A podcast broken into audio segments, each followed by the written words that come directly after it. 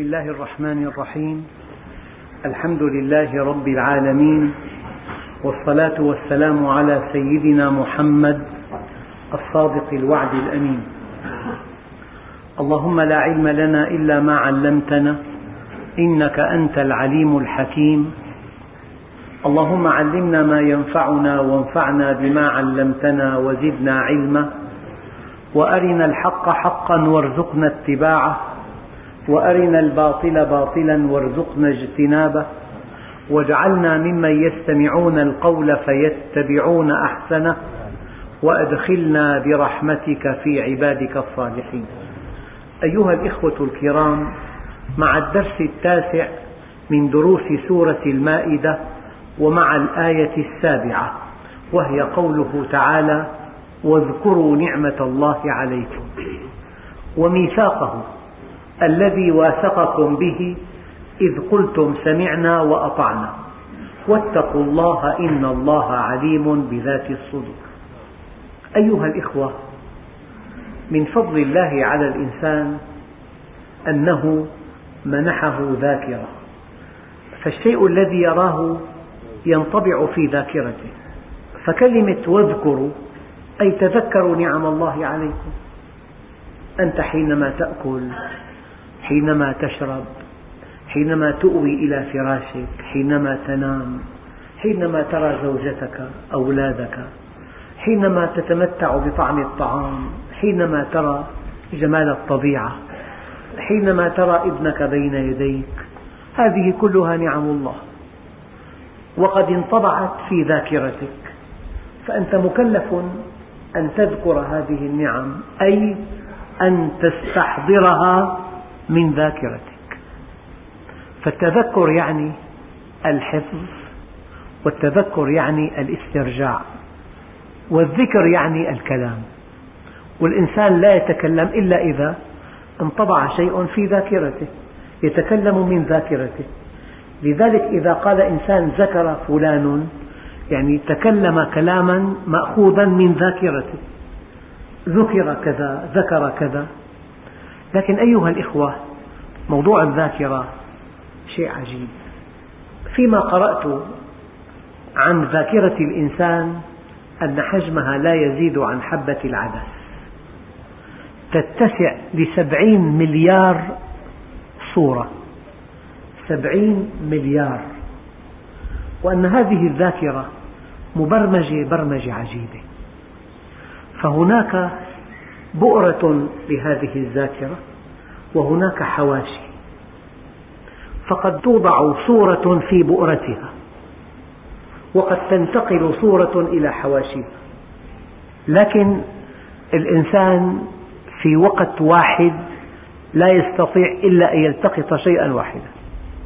في وقت واحد لا يستطيع أن يلتقط إلا شيئا واحدا. فإذا جاءه شيء وهو مشغول بشيء الثاني لا ينطبع.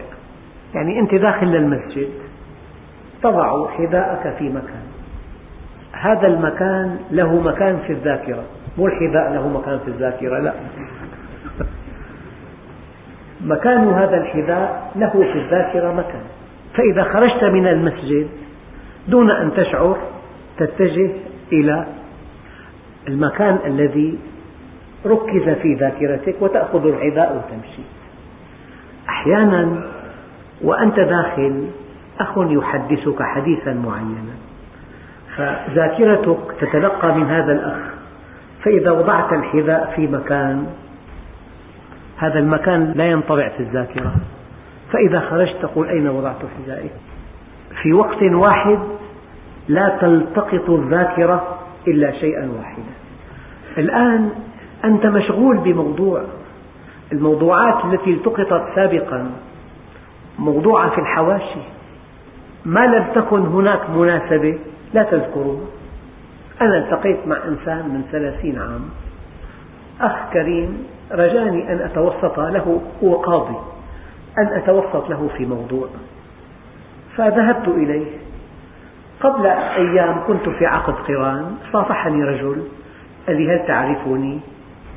غير هذا اللقاء من ثلاثين عام لم أرى. قلت له الأستاذ فلان. طبعا ملامح وجهه تغير كبير لكن بقي ملامح أساسية. ما هذه الذاكرة؟ من ثلاثين عام لقاء عبر ربع ساعة فقط. فتذكرت. ففي نعمة الذاكرة هذه نعمة لا تقدر بثمن. ولو نشاء لمسخناهم على مكانتهم فما استطاعوا مضيا ولا يرجعون. أنا حدثني أخ والله رجل توفي رحمه الله صاحب معمل قال لي ابنه خرج من معمله نسي أين بيته. بقي ساعة يجول في شوارع دمشق أين بيتي؟ لكنه تذكر بيت ابنه ذهب إليه ودله ابنه على بيته. الإنسان حينما يفقد ذاكرته وضعه لا يحتمل. قد لا يعرف أولاده. فنعمة الذاكرة نعمة كبيرة. هذه الذاكرة أولا لها بؤرة ولها حواشي لو أنك تلقيت آلاف الأفكار والصور هذه تنطبع وتوضع في الحواشي بحسب أهميتها. والأهميات متنوعة. في درجة أولى درجة ثانية درجة ثالثة درجة رابعة. وفي مكان سلة مهملات. يعني سافرت إلى بلد وأنت بعيد عن هذا النشاط التجاري كليا أعطاك واحد بطاقة وفيها رقم هاتفه قرأتها. لا تذكرها أبدا. وضعتها في سلة المهملات. لكن أحيانا حينما تبلغ أن رقم هاتفك كذا تحفظه لمرة واحدة. ولا تنساه أبدا. فصار بالذاكرة في بؤرة وفي حواشي. وفي بالذاكرة مستويات وفي سلة مهملات. معنى الذاكرة عم تقوم بعمل خطير جدا. أولا تحفظ وتحفظ في عدة مستويات. وفي لها بؤرة نشاط وإلها حواشي تخزين وفي لها سلة مهملات. فموضوع الذاكرة موضوع دقيق جدا وهو من أجل نعم الله علينا. والإنسان من دون ذاكرة بينسى معلوماته كلها. تدرس طب بعد سنة راحوا المعلومات طيب وين معلوماتك؟ كل خبراتكم بالذاكرة. كل الخبرات والمعلومات والمهارات كلها بالذاكرة. من دون ذاكرة ما في إنسان له نشاط أبدا. تنتهي مهمة الإنسان في الحياة. ولو شئنا لمسخناهم على مكانتهم فما استطاعوا مضيا ولا يرجعون. فالله عز وجل امتن علينا بنعمة الذاكرة. يعني أحيانا صاحب محل تجاري يبيع قطع تبديل قد يكون في بمحله عشرة آلاف نوع يأتيه إنسان عندك القطعة الفلانية يقول له لموظف عنده اصعد إلى الأعلى في الدرج السابع الرف الأول في قطعة ائتي بها ما معنى ذلك؟ أن كل هذا المحل في ذاكرته وأكثر ربات البيوت تعرف ماذا عندها. تحتاج إلى مادة غذائية. تقول لابنتها اصعدي إلى المكان الفلاني وأتي بقطعة. فهذه الذاكرة نعمة كبرى. لكن الله عز وجل يقول واذكروا نعمة الله عليكم. أحبوا الله لما يغذوكم به من نعمه. ذكرهم بأيام الله. طبعا النعم لا تعد ولا تحصى لكن أجل هذه النعم أنه خلقك. أجل هذه النعم أنك موجود. أنت موجود. لك حيز لك اسم. منحت اختيار منحت حرية. كلفت بطاعة الله عز وجل. منحك نعمة الوجود. هذه أجل نعمة. لأن هذه النعمة تؤهلك لتكون في جنة الله إلى أبد الآبدين. منحك الله نعمة الوجود. وفوق نعمة الوجود منحك نعمة الإمداد. ما قولك لو أن الهواء بثمن أمدك بالهواء أمدك بالماء أمدك بجو مناسب أمدك بطرف آخر طرف آخر تسكن إليه ويسكن إليك أمدك بأموال وبنين. نعمة الإيجاد ونعمة الإمداد. ثم أنزل على نبيه قرآنا نعمة المنهاج الإرشاد. واذكروا نعمة الله عليكم. الله عز وجل قال بآية ثانية وذكرهم بأيام الله. الله عز وجل له أيام. ذكرهم بأيام الله. من أيام الله عز وجل أنه امتن عليك فزوجك. من أيام الله عز وجل أنه أسمعك الحق. ولو علم الله فيهم خيرا لأسمعهم. من أيام الله عز وجل أنه جعلك من بيئة صالحة من أم وأب مسلمين. وهذه نعمة كبرى. جعلك في زمن يمكن أن تعمل أعمالا صالحة. يعني اختيار وجودك في مكان وفي زمان من أم معينة ومن أب معين أيضا هذه نعمة كبرى. من نعم الله عز وجل. قال تعالى واذكروا نعمة الله عليكم. طبعا جاءت الكلمة مفردة لأن النعمة الواحدة لو أمضيت كل حياتك لا تستطيع أن تقصي منافعها. نعمة هذا المفصل لو ما في مفصل كيف تأكل؟ لا بد من أن يأكل الإنسان كالقطة ينبطح ويأكل بلسانه مباشرة. لولا هذا المفصل الطعام لا يأتي إلى فمه. ما في مجال. طيب هذا المفصل نحو الداخل لكن مفصل الرجل نحو الخارج. في حكمة بالغة لولا المثانة كل عشرين ثانية في قطرتا بول. تحتاج إلى فوط الرجل السعيد. طبعا. في مثانة تجمع هذا البول لخمس ساعات. لولا أن لهذه المثانة عضلات تحتاج إلى نصف ساعة والبول لا ينزل لأنه بده تنفيس بدك أنبوب نعمة أن المثانة لها عضلات. هذه نعمة لا تقدر بثمن ألم نجعل له عينين؟ العين الواحدة ترى بعدا واحدا ترى بعدا طول وعرض. لكن ما فيك تضم إبرة بعين واحدة. تجي هيك الإبرة في ثلاثين سنتي بينهما. ألم نجعل له عينين؟ وبالأذنين ترى جهة الصوت. بأذن واحدة لا ترى جهة الصوت. في جهاز دقيق بالدماغ يحسب لك تفاضل وصول الصوتين. والفرق بينهما واحد على 1620 جزء من الثانية. واحد على 1620 جزء من الثانية. يصل الصوت إلى هذه الأذن قبل هذه الأذن. تعرف جهة الصوت. تستمع إلى بوق مركبة. تنحرف نحو الجهة المعاكسة. من دلك على أنها عن يمينك؟ جهة الصوت التي كشفها جهاز في الدماغ. نعمة السمع نعمة البصر نعمة الشم نعمة الذوق نعمة الدماغ. 140 مليار خلية لم تعرف وظيفتها بعد. 14 مليار خلية قشرية في الدماغ تقوم بوظائف تعجز عنها كل حواسيب العالم. ألم نجعل له عينين ولسانا وشفتين؟ هذا الكلام كل حرف تسهم في تشكيله سبعة عشر عضلة.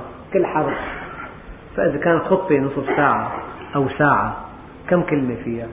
والكلمة كم حرف؟ دون أن تشعر. تأكل وتنام بتتم عمليات هضم لا تعد ولا تحصى. لو أن الله أوكل لك الهضم. تأكل عندك سبع ساعات هضم. ما بنكرياس الغدة الفلانية الصفراء. صار في عسر هضم عميل اسهال أنت نايم. لو ترك لك الله نعمة التنفس. بيدك ما بتنام الليل تنام بتموت. أبدا. تنام ملء العين والتنفس يعمل بانتظام. يتجمع اللعاب في الفم. يذهب إشارة إلى الدماغ أن اللعاب تجمع في الفم. الدماغ يعطي أمر للسان المزمار يفتح طريق المري ويغلق طريق القصبة الهوائية فتبلع اللعاب وأنت نائم دون أن تشعر. من أعطى أمر لبروستات تغلق طريق ماء الحياة. يكون طريق البول سالكا. في لقاء يغلق طريق البول يفتح طريق ماء الحياة. طريق ماء الحياة ماء طاهر والمجرى سابقا في بول. لا بد من مادة مطهرة هي المذي ومادة معطرة ومادة مغذية. دون أن تشعر هذه الغدة تعمل ثمانين عام. تفتح باب المثانة وباب الخصيتين. تفتح وتغلق وأنت لا تشعر. واذكروا نعمة الله عليكم. والله لو ذهبنا نتحدث عن نعم الله في أجسامنا تنقضي الأعمار ولا ينقضي الحديث عنها. الله عز وجل قال نعمة واحدة. عيناك متألقتان بسبب أن هناك دمعا مستمرا يغسل العينين.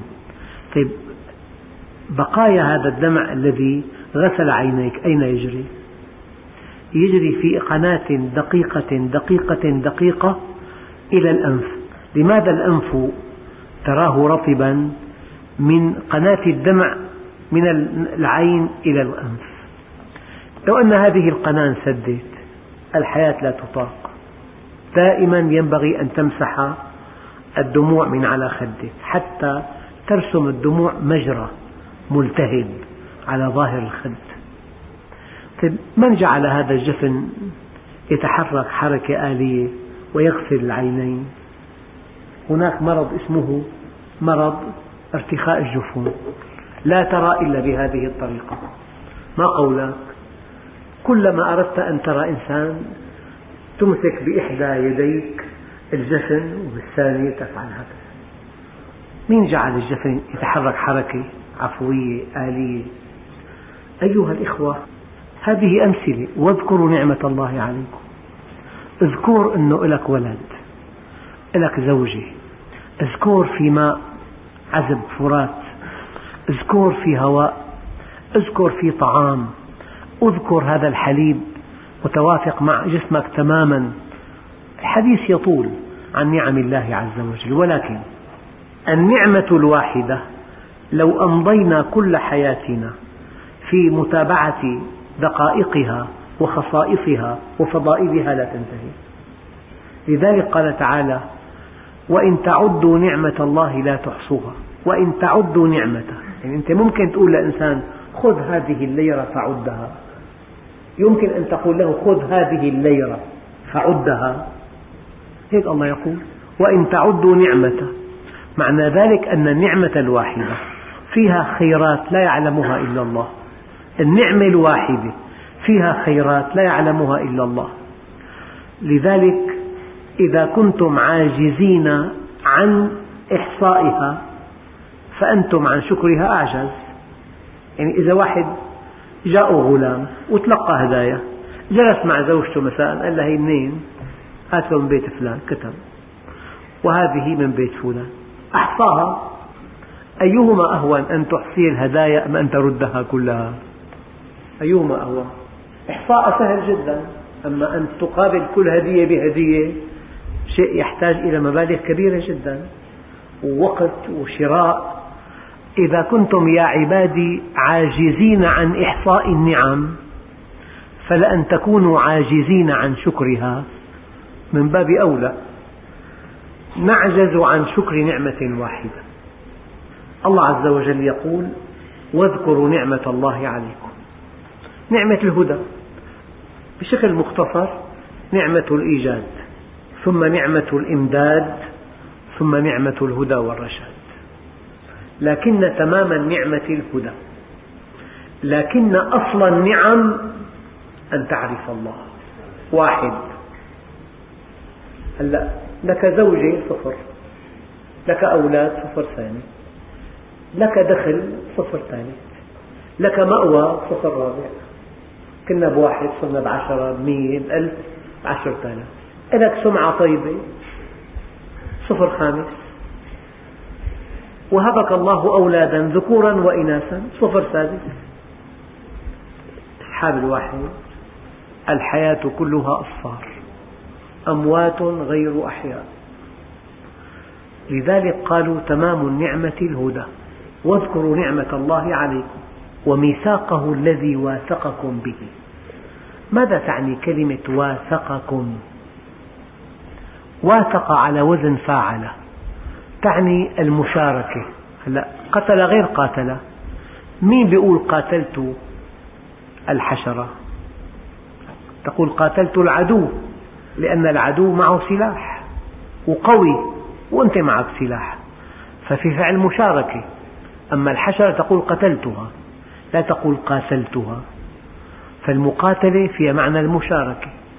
إذا قال الله عز وجل وميثاقه الذي واثقكم به يعني الله عز وجل أعطانا ميثاق الفطرة. فطرتك متوافقة مع منهج الله عز وجل. لا ترتاح نفسك إلا إذا أطعت ربك. لا ترتاح نفسك إلا إذا كنت وفق منهج الله. لا ترتاح نفسك إلا إذا كنت صادقا. لا ترتاح نفسك إلا إذا كنت أمينا. الله عز وجل جبلك على حب الأمانة وأمرك أن تكون أمينا. فجبلتك متوافقة لمنهج الله. جبلك على حب العدل وأمرك أن تعدل.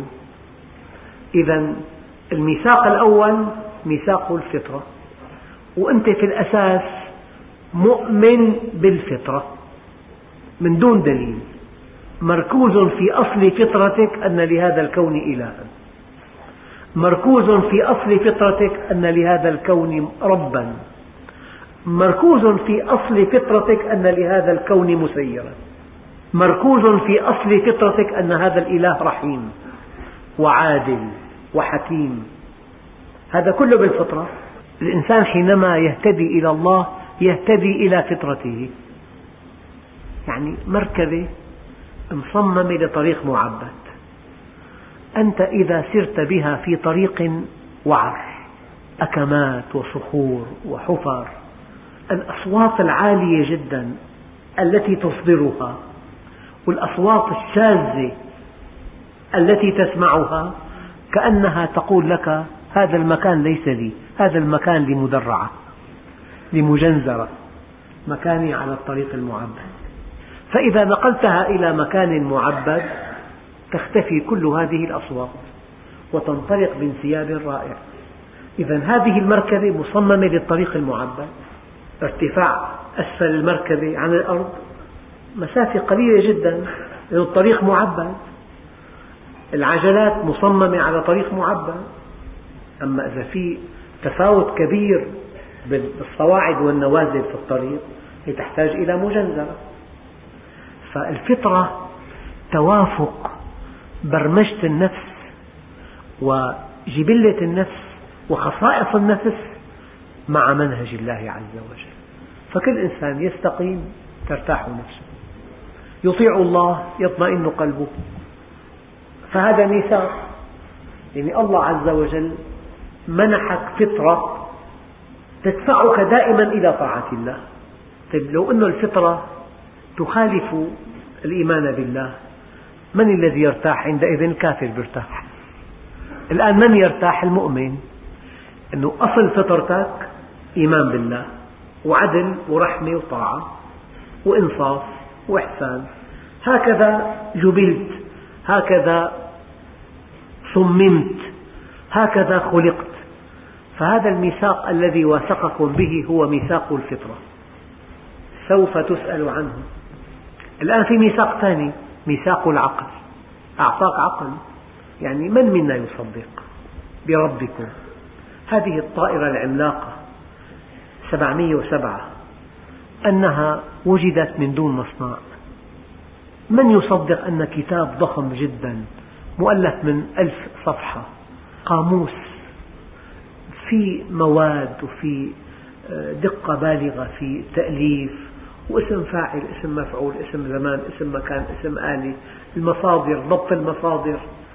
كتاب ضخم جدا أنه نتج من انفجار في مطبعة. من يصدق؟ من يصدق أن هذه الطائرة 707 إنما نتجت عن انفجار في مستودع معدني طائرة؟ أربع محركات مقاعد ركاب أجهزة أجهزة تبريد أجهزة صوت. من يصدق؟ خلق الإنسان أعظم أعظم بكثير. فلذلك الميثاق الثاني ميثاق العقل أعطاك عقل الله عز وجل.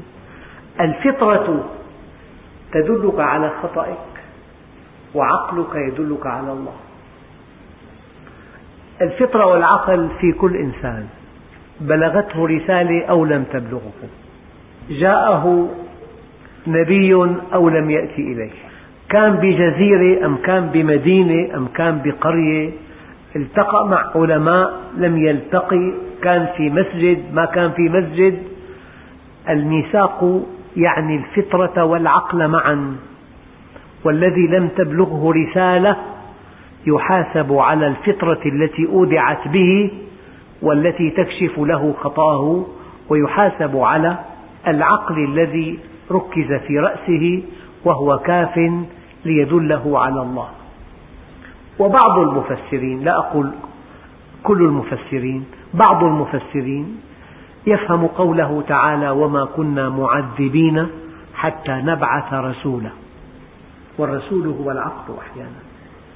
وأحيانا المصائب رسائل ولولا أن تصيبهم مصيبة بما قدمت أيديهم. لقالوا ربنا لولا أرسلت إلينا رسولا فنتبع آياتك من قبل أن نذل ونخزى المصيبة هنا جاءت بمعنى رسالة.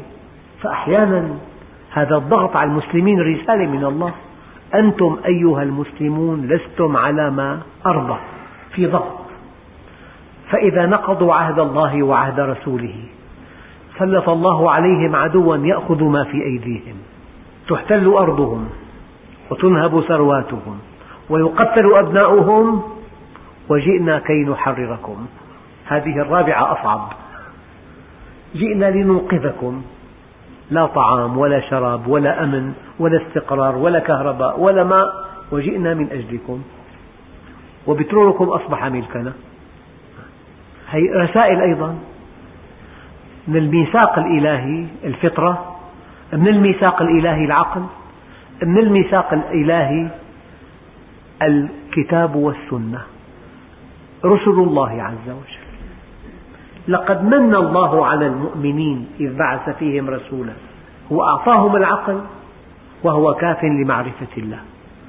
فطرهم فطرة كاملة كافية لمعرفة الخطأ والصواب وفوق هذا وذاك منحهم التشريع الأنبياء والرسل الكتب. واذكروا نعمة الله عليكم وميثاقه الذي واثقكم به إذ قلتم سمعنا وأطعنا. من قبلكم سمعنا وأطعنا ومن قبلنا الفطرة والعقل والتشريع. تحاسب على فطرتك وعلى عقلك وإذا بلغتك رسالة تحاسب على تفاصيل الشريعة. إذا بلغتك رسالة تحاسب على تفاصيل الشريعة. وإن لم تبلغك رسالة تحاسب على الفطرة والعقل وهما كافيان لمعرفة الله وطاعته.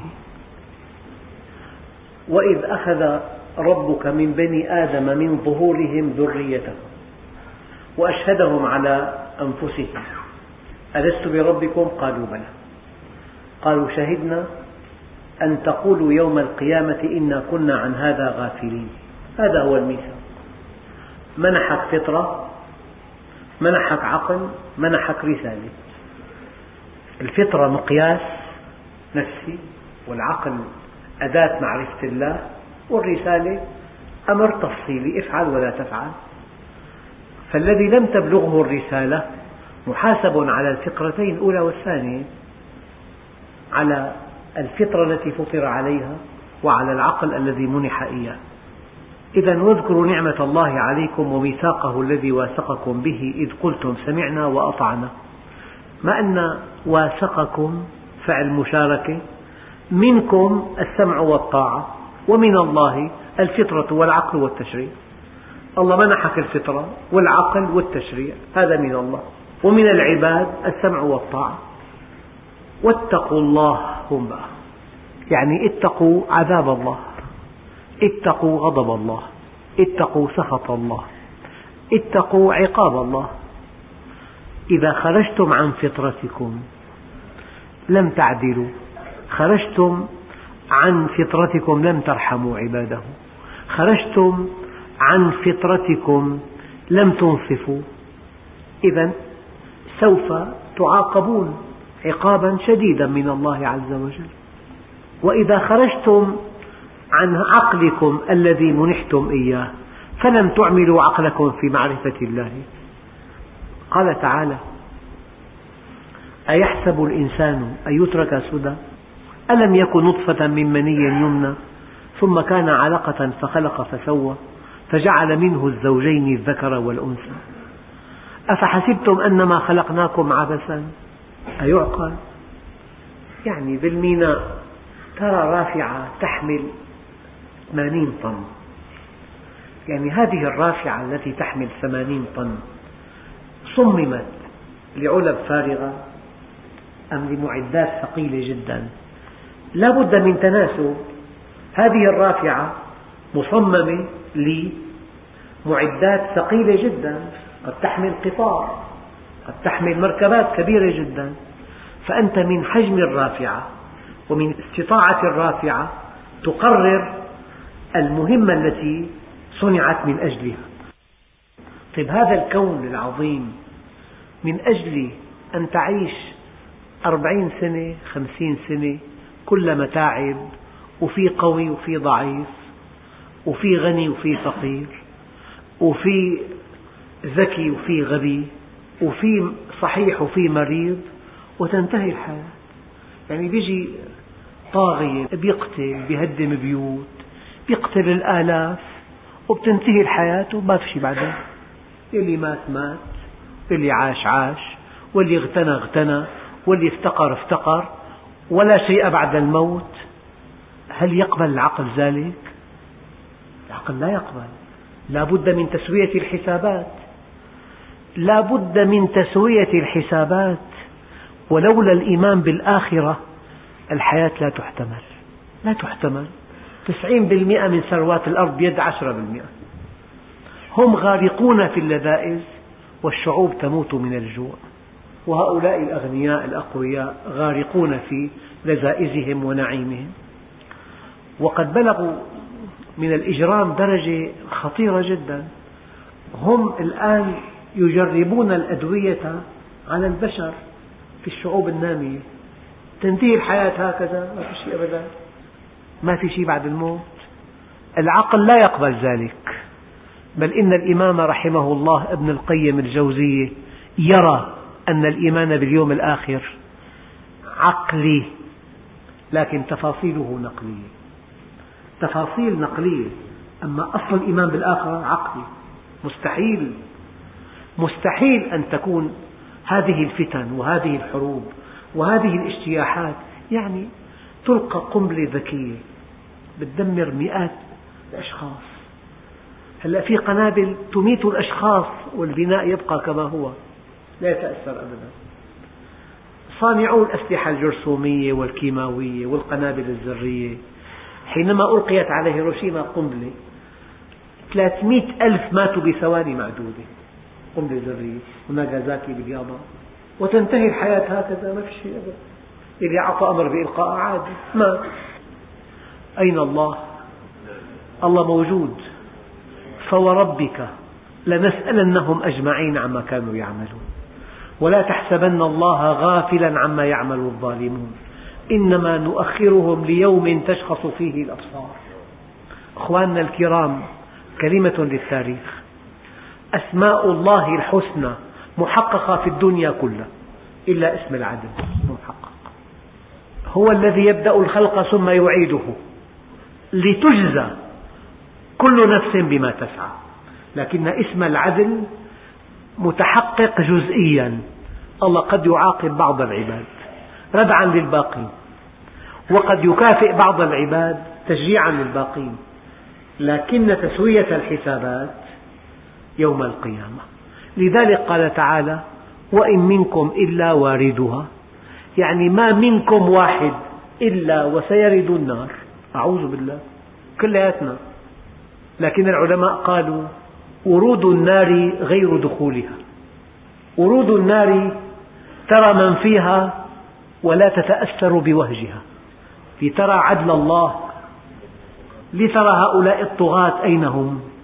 لتتأكد أن الله حينما قال ولا تحسبن الله غافلا عما يعمل الظالمون إنما نؤخرهم ليوم تشخص فيه الأبصار. إذا قال الصادق المصدوق والذي لا ينطق عن الهوى دققوا. دخلت امرأة النار في هرة حبستها. لا هي أطعمتها ولا هي تركتها تأكل من خشاش الأرض. فما قولكم بما فوق الهرة؟ ولا تحسبن الله غافلا عما يعمل الظالمون إنما يؤخرهم ليوم تشخص فيه الأبصار. بالتاريخ الحديث يقول لك هذا قتل خمسين مليون هذا أربعين مليون هذا ثمانين مليون مرتاحين الجماعة تمام. وبراءة الأطفال في أعينهم خمسين مليون. هكذا. لذلك الإيمان بالآخرة يجب أن يكون كإيمانك بوجودك. بطولتك ليس الآن. أن تنجو يوم العرض الأكبر على الله. وقفوهم إنهم مسؤولون. إذا وقعت الواقعة ليس لوقعتها كاذبة خافضة رافعة. تلاقي إنسان رب أشعث أغبر ذي طمرين طالب علم ساكن ببيت صغير. دخله محدود يسأل الله النجاة والرحمة يقرأ القرآن يصلي يغض بصره. لا أحد يأبه له لا في أضواء ولا في كاميرات ولا في شيء. لا أحد يعلم به. هذا يوم القيامة في أعلى عليين وقفوهم إنهم مسؤولون. رب أشعث أغبر ذي طمرين مدفوع بالأبواب لو أقسم على الله لأبره. لا تهتم بالشهرة. أشهر واحد إبليس. ما في أشهر منه بالعالم كله. الشهرة ما لها قيمة أبدا. لا تهتم أن تخطف الأضواء. ما لها قيمة. لو أن أهل الأرض أثنوا عليك وكان الله غاضبا عليك لا قيمة لكل ثناءاتهم أبدا. ابتغوا الرفعة عند الله. بطولتك أن تكون عند الأمر والنهي. هذا اسمه نصر لكن نصر مبدئي. يعني أنا ضعيف. لأنني مستقيم قتلت مثلا ببلاد إسلامية لأنني أدعو إلى الله أنه لي حياتي أنا منتصر. والذي قتلني منهزم. أنا نصري مت موحدا مطيعا لله عز وجل. يعني هذه الدنيا لا قيمة لها. صدقوا رسول الله. والله لو أن الدنيا تعدل عند الله جناح بعوضة. ما سقى الكافر منها شربة ماء. جناح بعوضة له قيمة. البعوضة كلها لها قيمة. كلها. جسمها ورأسها وأرجلها وأجنحتها. لو أن الدنيا تعدل عند الله جناح بعوضة ما سقى الكافر منها شربة ماء. فلما نسوا ما ذكروا به فتحنا عليهم أبواب كل شيء حتى إذا فرحوا بما أوتوا أخذناهم بغتة فإذا هم مبلسون. لذلك واتقوا الله اتقي غضب الله.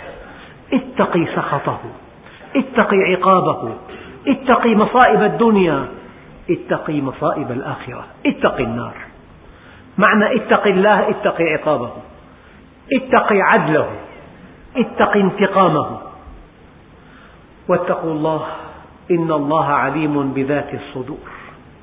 تكلم ما شئت نمق كلامك. لا. يوم القيامة الله ماذا يقول في القرآن؟ يوم نختم على أفواههم وتكلمنا أيديهم. أسبغ على الجريمة طابع إنساني. الهدف التحرير الهدف الحرية الهدف كذا. تكلم ما شئت. واتقوا الله إن الله عليم بذات الصدور. لا ليس كذلك. قرأت القرآن ليقال عنك قارئ وقد قيل خذوه إلى النار. تعلمت العلم ليقال عنك عالم وقد قيل خذوه إلى النار. والله عليم بذات الصدور لا تخفى عليه خافية. هلا ممكن تقدم لجامع أرض والناس جميعا يثنون عليك يا أخي محسن كبير وأنت هدفك أن يرتفع سعر الأرض. حينما تقدم أرض لجامع يعاد تنظيم الأرض بيرتفع سعرها فعند الناس أنت محسن كبير أما عند الله لست محسنا. والله عليم بذات الصدور. تكلم ما شئت. لكن الله عز وجل متكفل أن يضعك في حجمك الحقيقي. فلذلك لا تخفى عليه خافية. علم ما كان وما سيكون وما لم يكن لو كان كيف كان يكون. هذه الآية تكفي. واذكروا نعمة الله عليكم وميثاقه الذي واثقكم به إذ قلتم سمعنا وأطعنا. واتقوا الله إن الله عليم بذات الصدور والحمد لله رب العالمين. طبعا أنا تكلمت هالكلام لأنه في حالة إحباط عند المسلمين الآن. إحباط شديد. ما بيدنا شيء. لا بد من أن توقن بعدل الله عز وجل.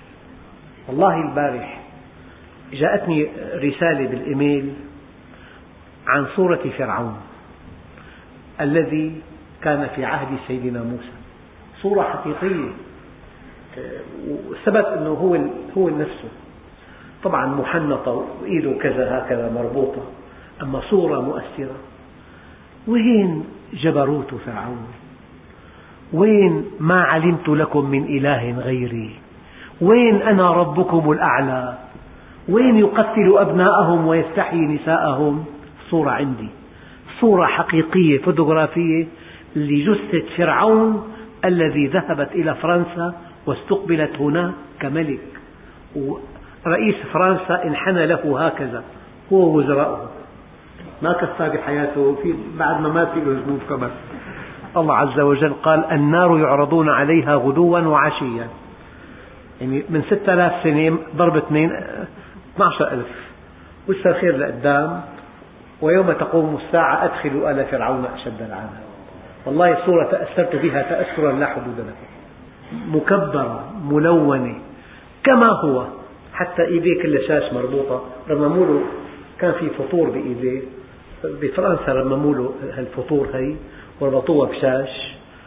إيه الله شو قال؟ اليوم ننجيك ببدنك لتكون لمن خلفك آية. لتكون لمن خلفك آية. البطولة أن تنجو من عذاب الله لا من عذاب الدنيا. رب أشعث أغبر ذي طمرين مدفوع بالأبواب لو أقسم على الله لأبره. لا تهتم بالشهرة لا تهتم بالغنى. حساب دقيق. والحمد لله رب العالمين.